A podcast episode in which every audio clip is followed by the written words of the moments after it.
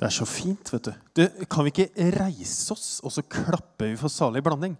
Mens de går ned. Er ikke det fint?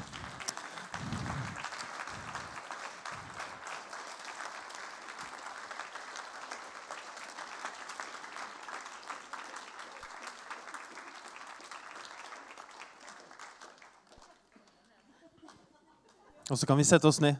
Så har vi fått lete litt på kroppen nå. Det er fint.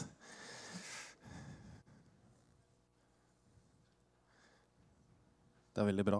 Du, er, jeg er så glad for at vi har et så flott kor som synger for oss og med oss. Er vi ikke det? Yes, det er vi. Dette er søndag nummer tre i den serien som vi har valgt å kalle Alt ved bønn. Ehm, det er en serie vi da har hatt tre uker. Eh, og så skal vi avslutte nå til eh, neste helg. Og da kommer en mann som heter Håkon Fagervik og skal ha en bønnehelg sammen med oss fra torsdag kveld til søndag morgen. Da kan du komme på bønnemøte på torsdag kveld klokka sju. Du kan, Hvis du liker å spise sen frokost, så kan du komme på bønnefrokost på fredag klokka ni. Så får du det. Og så skal han også tale på Connect-møtet, som er vårt ungdomsmøte, eh, på fredag klokka åtte. Og så tenker jeg, Hvis du ikke har vært på Connect før og lurer på om er det bra, liksom, er det så bra som de snakker om, for de snakker om at det er superbra, så er jo det en kjempegod anledning til å komme og oppleve et Connect-møte hvor Håkon Fagervik skal tale. Det tror jeg blir veldig veldig bra. Og Så skal vi ha et bønneseminar på lørdag mellom 11 og 3 med lunsj i midten og full pakke. Eh, og så skal han også tale da på søndag formiddag klokka 11. Så det blir mye Håkon Fagervik, og det blir mye bønn, og det blir bra. Yes. Veldig fint altså med så mye respons. Eh, for eh, Takk for det. Veldig bra. For uh, to uker siden så talte jeg og starta denne serien. og da, det, da, sa jeg jo mye mer enn to ting, men jeg sa to ting også. Og de to tingene var at uh, når du ber, så kan du ikke be feil. Det er jo en del som syns det er vanskelig å be og streve med bønn. Men, men du kan ikke be feil rett og slett. Når, om du ber til Gud, Fader eller Jesus eller Den hellige ånd, så, så, så kan, det kommer fram. Det var på en måte første punktet. Det andre var at hvis du syns det er vanskelig å be, så prøv å be for noen andre enn deg selv. Test det ut.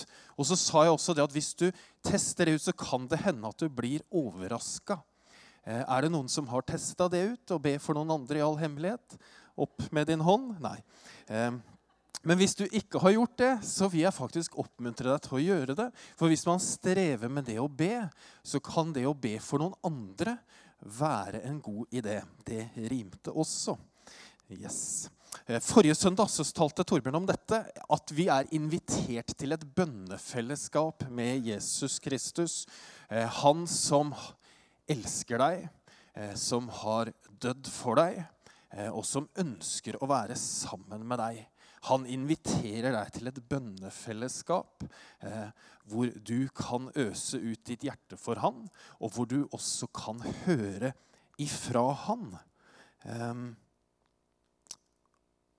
det er bra. Jeg strever litt med både mic og pad og, og bilde, liksom, men det går bra, det, altså.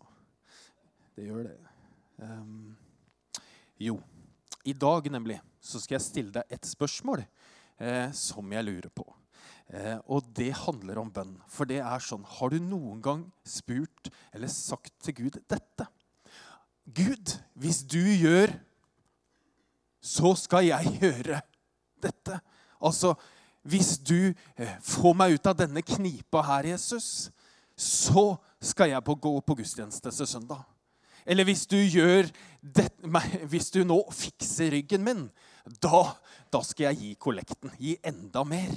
Eller eh, hvis, du, hvis du bare fikser dette, så skal jeg melde meg til tjeneste i BIM.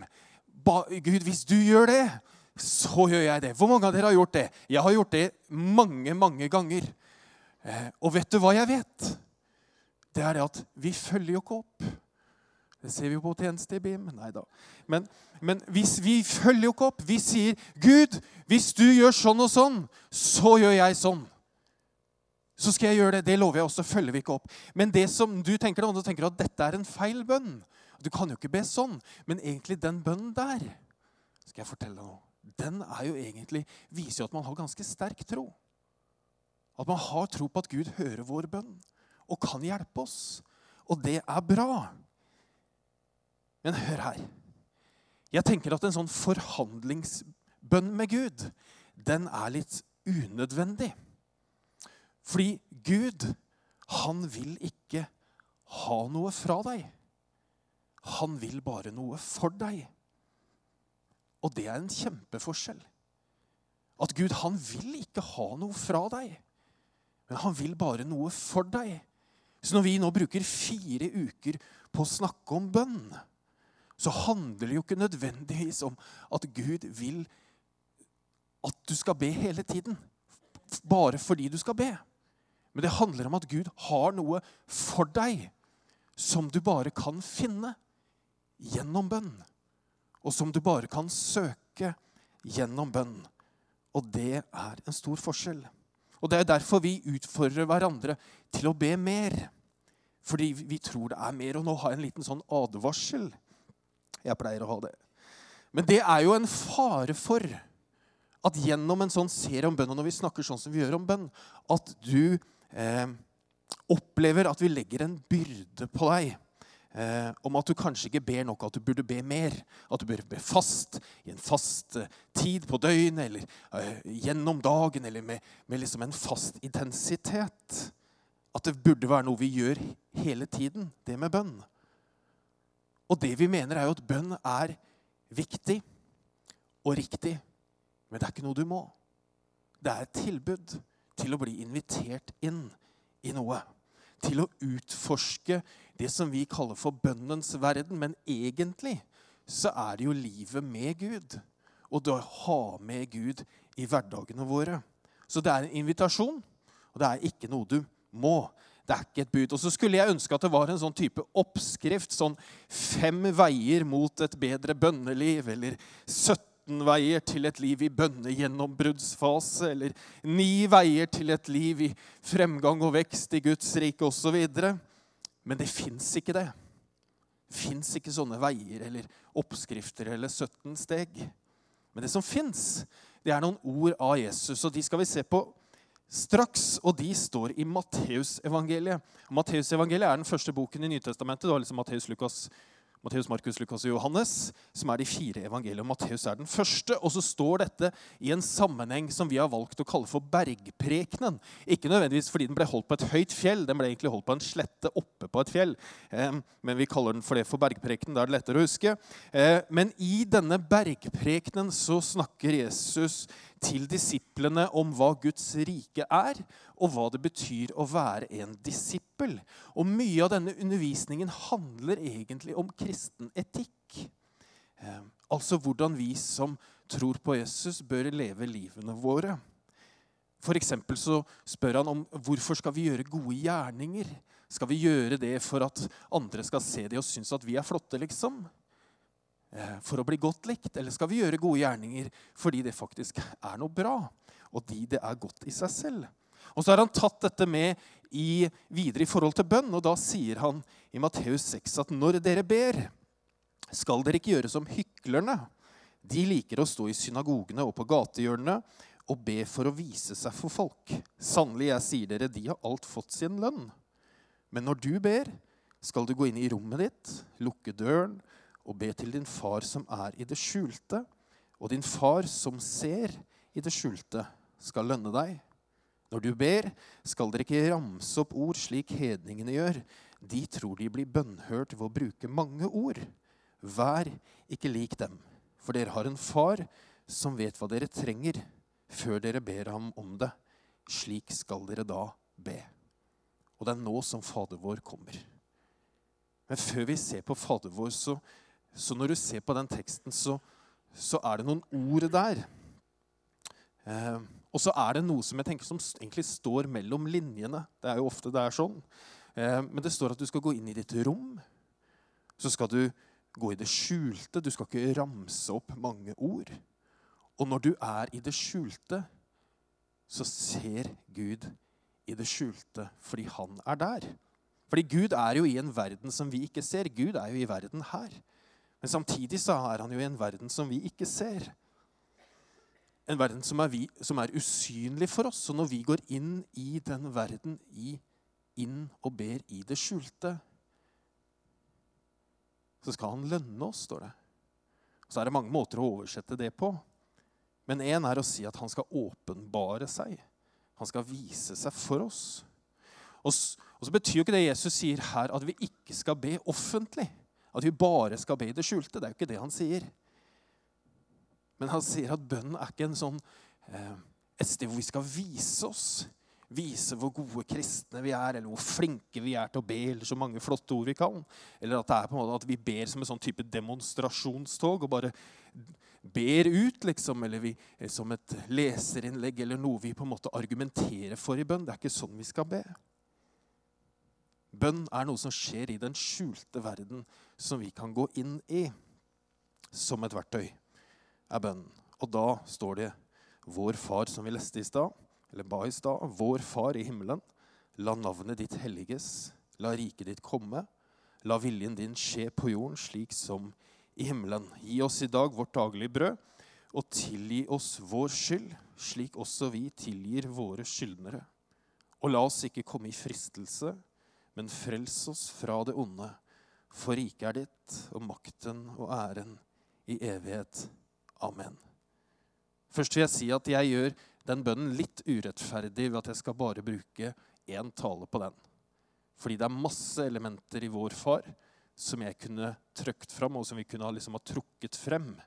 Men så velger vi noen ting, og så får vi være fornøyd med det i dag. Ikke sant? Det er bra. Takk.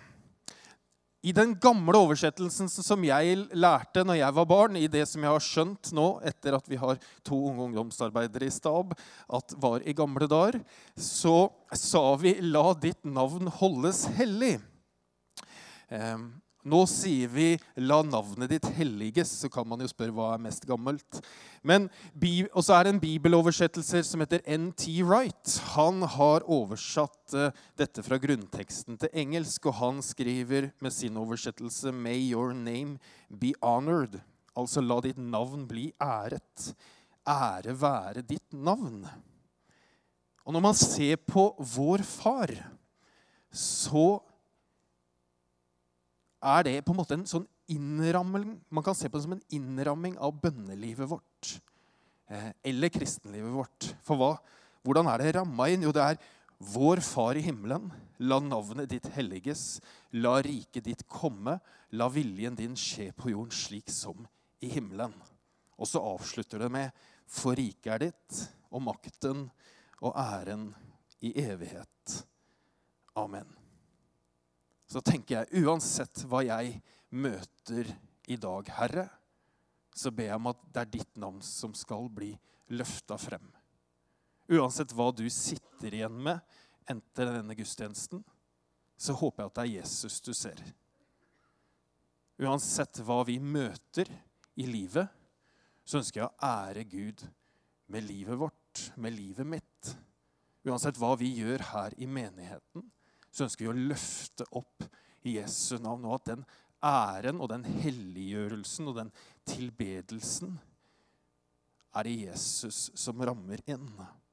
Og Når jeg forbereder taler, eller når jeg sitter på en søndag morgen på kontor og forbereder meg til å komme hit, så ber jeg Jesus om at, om at det er han som skal være synlig. At ikke jeg gjør dette for å være godt likt eller kul eller være morsom. eller nå er jeg ikke det heller, men, men men at det er han som blir synlig. At det er han som blir æret.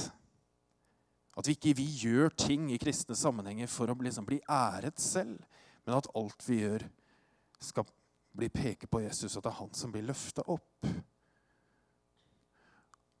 Det som jeg synes er så fint med vår far, er at den, den, vi kan bruke den nesten som en sånn type modell som bønnelivet vårt, hvor vi ja, vi ber om vårt daglige brød, ja, vi ber om det, men det, det rammes inn av at det er Gud vi skal ære, at det er hans rike, og det er han, eh, hans vilje som skal skje. Og Da gjør jo det at vi ikke bare hele tiden ber om at vi skal vinne i Lotto Lotto eller få liksom den nyeste jobben eller få det lønnspålegget, eller at det bare blir bønner som handler om oss selv. Men det bønnelivet vårt blir større. Og det handler om at det er Gud som skal ha ære. Så lurer jeg på en ting. Fordi vi lever jo i en sånn ekstremt selvsentrert kultur. Har du lagt merke til det? Hvis du ikke har lagt merke til det, så er det nok fordi vi lever i en ekstremt selvsentrert kultur. Hvor vi er opptatt av oss selv og våre behov, vårt begjær, våre ting, vår helse osv. Og så lurer jeg på om hvordan preger dette, eller farger dette, eller hva gjør dette med bønnelivet mitt? Og bønnelivet vårt, har, vi på en måte, har det en påvirkning, eller tenker vi i all vår gode naivitet at det ikke har det i det hele tatt? Hopper vi over at det er Gud som skal ha ære, at det er Hans vilje som skal skje, og Hans rike skal komme, og så går vi rett til å gi oss mer penger? Her i går så kløyvde jeg ved hjemme. Det er jo ikke til å tro, eh, men jeg gjorde det. Og så på det, det, som ble det siste slaget, det var når jeg kløyvde da, Det var en ganske stor stubbe. Den skulle jo vært kløyvd i våre, så den var jo beinhard. sant? Så jeg måker til, og så treffer jo den fingeren her vet du, treffer jo på en stubbe som står ved siden av. Og så når min kone Maria spør Eh, Samuel, min sønn på ti år, hva gjorde pappa da etterpå? Jo, da, sa, da gikk han bare sånn. Og så kasta han øksa vekk, og så risset han litt. Og så gikk han. Og den er veldig vond i dag, den fingeren. Dere, vi tror på en, en vi tror på en Jeg vet noen vil lure på hvordan jeg skal lande dette. det kan du spørre om. Også. Vi, som blir noe, er litt løsere fra Månes. Vi tror på en treende Gud. Vi tror på Gud Fader som skaper. Så tror vi på Jesus Kristus som frelser. Og så tror vi på Den hellige ånd som livgiver. Og så er det jo Jesus som har frelst deg. Og Det er han som har frelst meg. Eh, og jeg i min teologi, når Jesus har frelst meg, eh, så er det ofte sånn at mitt kristenliv har fokus på det. Selvfølgelig. Min frelse, min helse, min velstand og min eh, tilstand at jeg har det godt. Eller er det også sånn at i min frelse og i min tro på en treenig Gud, så har jeg også med et element av Gud som skaper? Og så lurer jeg da på, med all respekt, i en verden som lider, hvor det er eh, krig og fattigdom som vi kanskje aldri har sett før, så lurer jeg på om min bønn for helbredelse for denne vonde fingeren blir litt blass av og til. Det lurer jeg på. Eh, helt seriøst. Eh, så betyr det ikke at vi ikke skal be for våre vonde fingre og tær. Men mine bønner blir ofte egoistiske bønner, hvor jeg ber om velsignelse over mitt liv, min familie, mine behov, og så til slutt så mister jeg hele perspektivet av syne. I den jødiske kulturen som Jesus levde, så var det også mange ikke-jøder. altså Det var en stor ikke-jødisk kultur. Og i denne ikke-jødiske kulturen så ble det også praktisert bønn. Eh, og Disse bønnene var ofte lange, eh, med mange repetisjoner, og det ble brukt kompliserte ord. Eh, og så trodde man at disse bønnene hadde en type magisk kraft dersom de ble repetert over og over igjen på en eller annen måte, altså nærmest som et mantra. Det som var felles for disse bønnene, var at de hadde et sånt usikkert preg over seg. Fordi man visste jo ikke om disse bønnene man ba til gudene, om de kom frem, og på hvilken måte som man måtte be for at de skulle komme frem. Og dette er jo ikke rart eller spesielt ukjent for oss i vår sammenheng. Fordi bønn er jo et av livets store mysterier. Eh, og det er jo mange som ber, og eh, i ulike religioner, og vi ber på mange måter. Og når man er i en desperat situasjon, eh, så ber man jo ofte om at noe eller noen der ute skal høre min bønn i desperasjon. Og av og til så opplever vi at noen bønner leder oss inn i noen rom hvor vi får en type lønn som Jesus snakket om. Og så tror jeg at For mange av oss i våre liv så lever vi litt i dette spenningsfeltet mellom er vi på rett måte, eller bruker vi de rette ordene, eller, eller at vi kommer inn i en tilstand hvor vi kanskje bare er stille sammen med Gud. Og Det er jo dette jeg tenker i dette bildet her som vår far gir oss denne rammen for bønnelivet vårt. Men den kan også fortelle oss noe om hvem Gud er, og det skal vi se på nå. Jeg har fem punkt, så hold fast. Fem punkter om vår far. Egentlig er det seks, men, men vi skriver bare fem i kirken. Eh, bønnen gir mening, er første punkt. Fordi bønnen vår far, den gir jo mening. Det er ikke en sånn magisk formel eller rare ord, men når vi leser den, eller når vi ber den, så kan vi forstå hva som står. Og så kan vi si den med munnen vår. Vi kan uttale den. Og så viser den oss at mennesker som deg og meg kan be til Gud med det språket vi har, og de ordene vi har. Og så betyr det også det at når vi kan be om det, så vil Gud også forstå det vi ber om når vi bruker et vanlig språk. Da trenger vi ikke bruke et sånn spesielt høyt tonefall. Eller vi trenger ikke bruke høy stemme eller, eller veldig intim stemme, men vi kan snakke ganske vanlig til Gud. Det andre er at vi kan kalle Gud for far. Og det var det Torbjørn talte om forrige søndag, som du kan høre på nettsiden vår. Men gjennom hele Nytestamentet, evangeliene, så snakker Jesus om Gud som far. Han ber til far i himmelen. Og Dette ser vi spor av helt til andre Mosebok, bok nummer to i Bibelen. I, i Gamle testamentet så sier Gud til Moses i andre Mosebok 422 at du skal si til farao, sier Gud, at så sier Herren at Israel er min førstefødte sønn. Så det med sønn og far har røtter helt tilbake til den første tiden. Punkt tre er at vi ber til en levende og virksom Gud. Fordi Gud er ikke et menneskeskapt idol, men han er en levende Gud. Vi ber ikke til en stein eller til en idé, men vi ber til en levende Gud som er virksom, som er i himmelen, og som samtidig er her. Og så kan vi møte han i dette skjæringspunktet. Og så når vi ber 'La ditt rike komme', som står i vår far, så ber vi om at det som skjer i himmelen, kan komme hit, og at vi kan få en smak av det.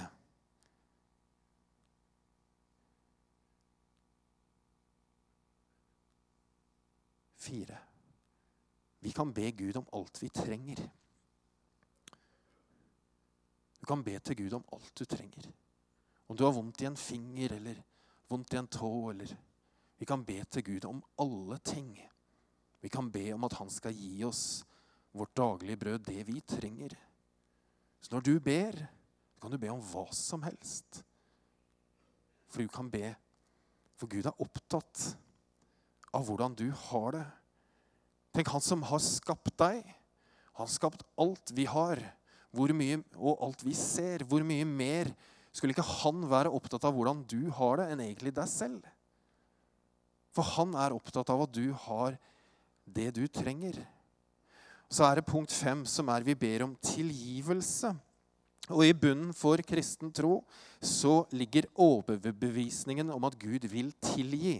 At tilgivelse er mulig. At gjennom Guds kjærlighet, som ble vist av Jesus Kristus, på korset, så er tilgivelse mulig for alle ting. At vi kan bli tilgitt alt. At alt kan bli gjenoppretta og satt i rett stand. Det er mulig. Det tror vi på. Og denne bønnen som Jesus lærte oss, den viser meg at eh, jeg trenger å be om tilgivelse for det livet jeg lever. Selv om jeg prøver å gjøre det beste jeg kan, så får jeg det ikke til. Og da ber jeg Gud om tilgivelse egentlig hele tiden. Og så er det et forhold til da, som kommer inn i denne med å be om tilgivelse. Og det er at vi selv må være mennesker som tilgir. Det er jo egentlig litt avhengig av hvordan vi er liksom, som personer. Så er det tenker For min del Jeg ber jo min fru Maria om tilgivelse hele tiden. Eh, og det er ganske lett i utgangspunktet å be om tilgivelse. Og si 'Kan du tilgi meg for det jeg gjorde?' Kan du tilgi meg for det? Det som jeg syns er verre, det er eh, no, og, og, på en måte og, eh, å tilgi andre. hvis du skjønner, Det høres helt grusomt ut. Men, men, det er lettere nesten i noen faser å be om tilgivelse enn å tilgi andre for det gærne de har gjort mot oss eller mot meg. Det er ofte verre. Det koster mer. Og tilgivelse eh, Hvis man er behandla urettferdig, hvis noen har gjort noe vondt mot oss, så er det å tilgi andre en lang kamp. Og så betyr ikke det at når vi tilgir, så sier vi at det er greit. Det betyr ikke det.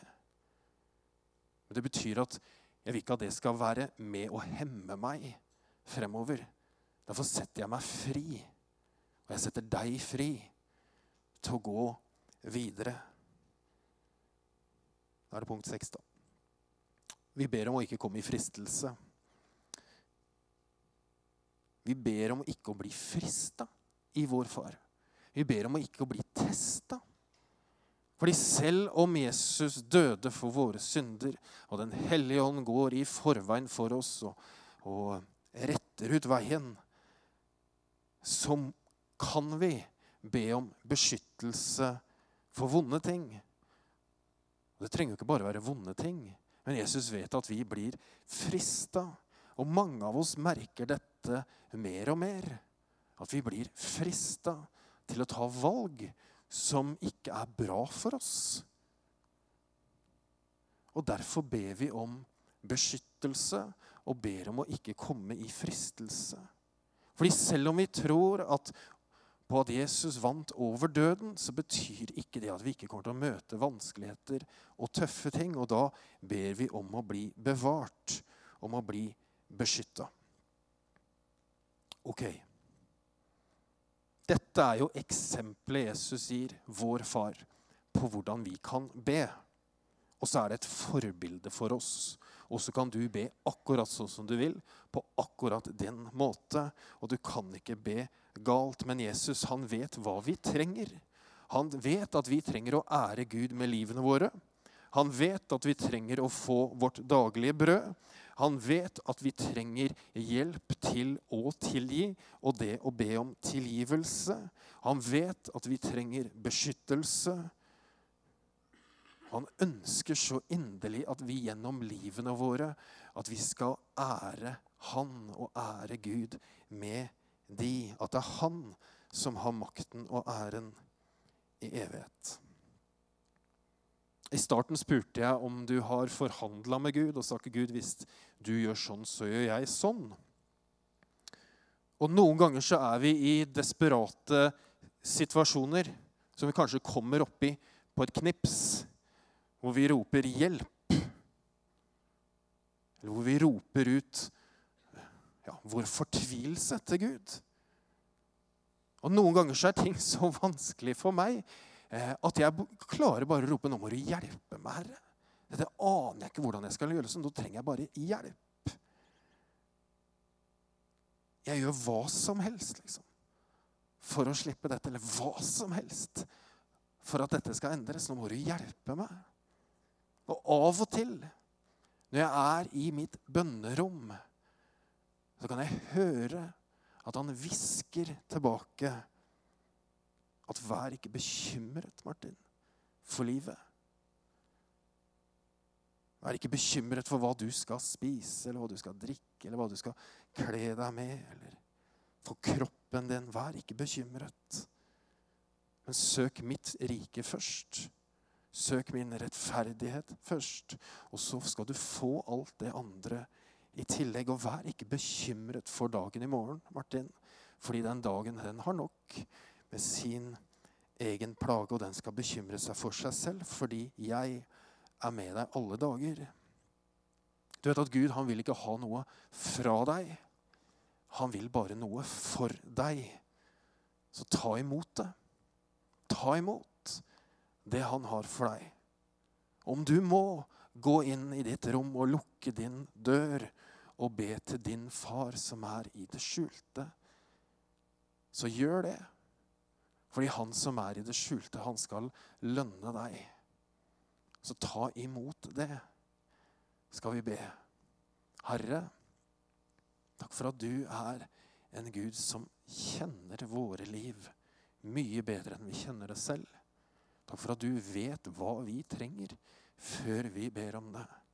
Og takk for at du ikke krever noe av oss, men du inviterer oss inn til en relasjon med deg. Nå ber jeg, Herre, om at du skal komme til våre hjerter og tale til oss, sånn at vi kan se hva vi skal gjøre med det vi har hørt. Og så ber jeg om at du gir oss mot til å gjøre det. Jeg ber om at du skal hjelpe oss til å prioritere og søke deg på rommet vårt. I Jesu navn. Amen.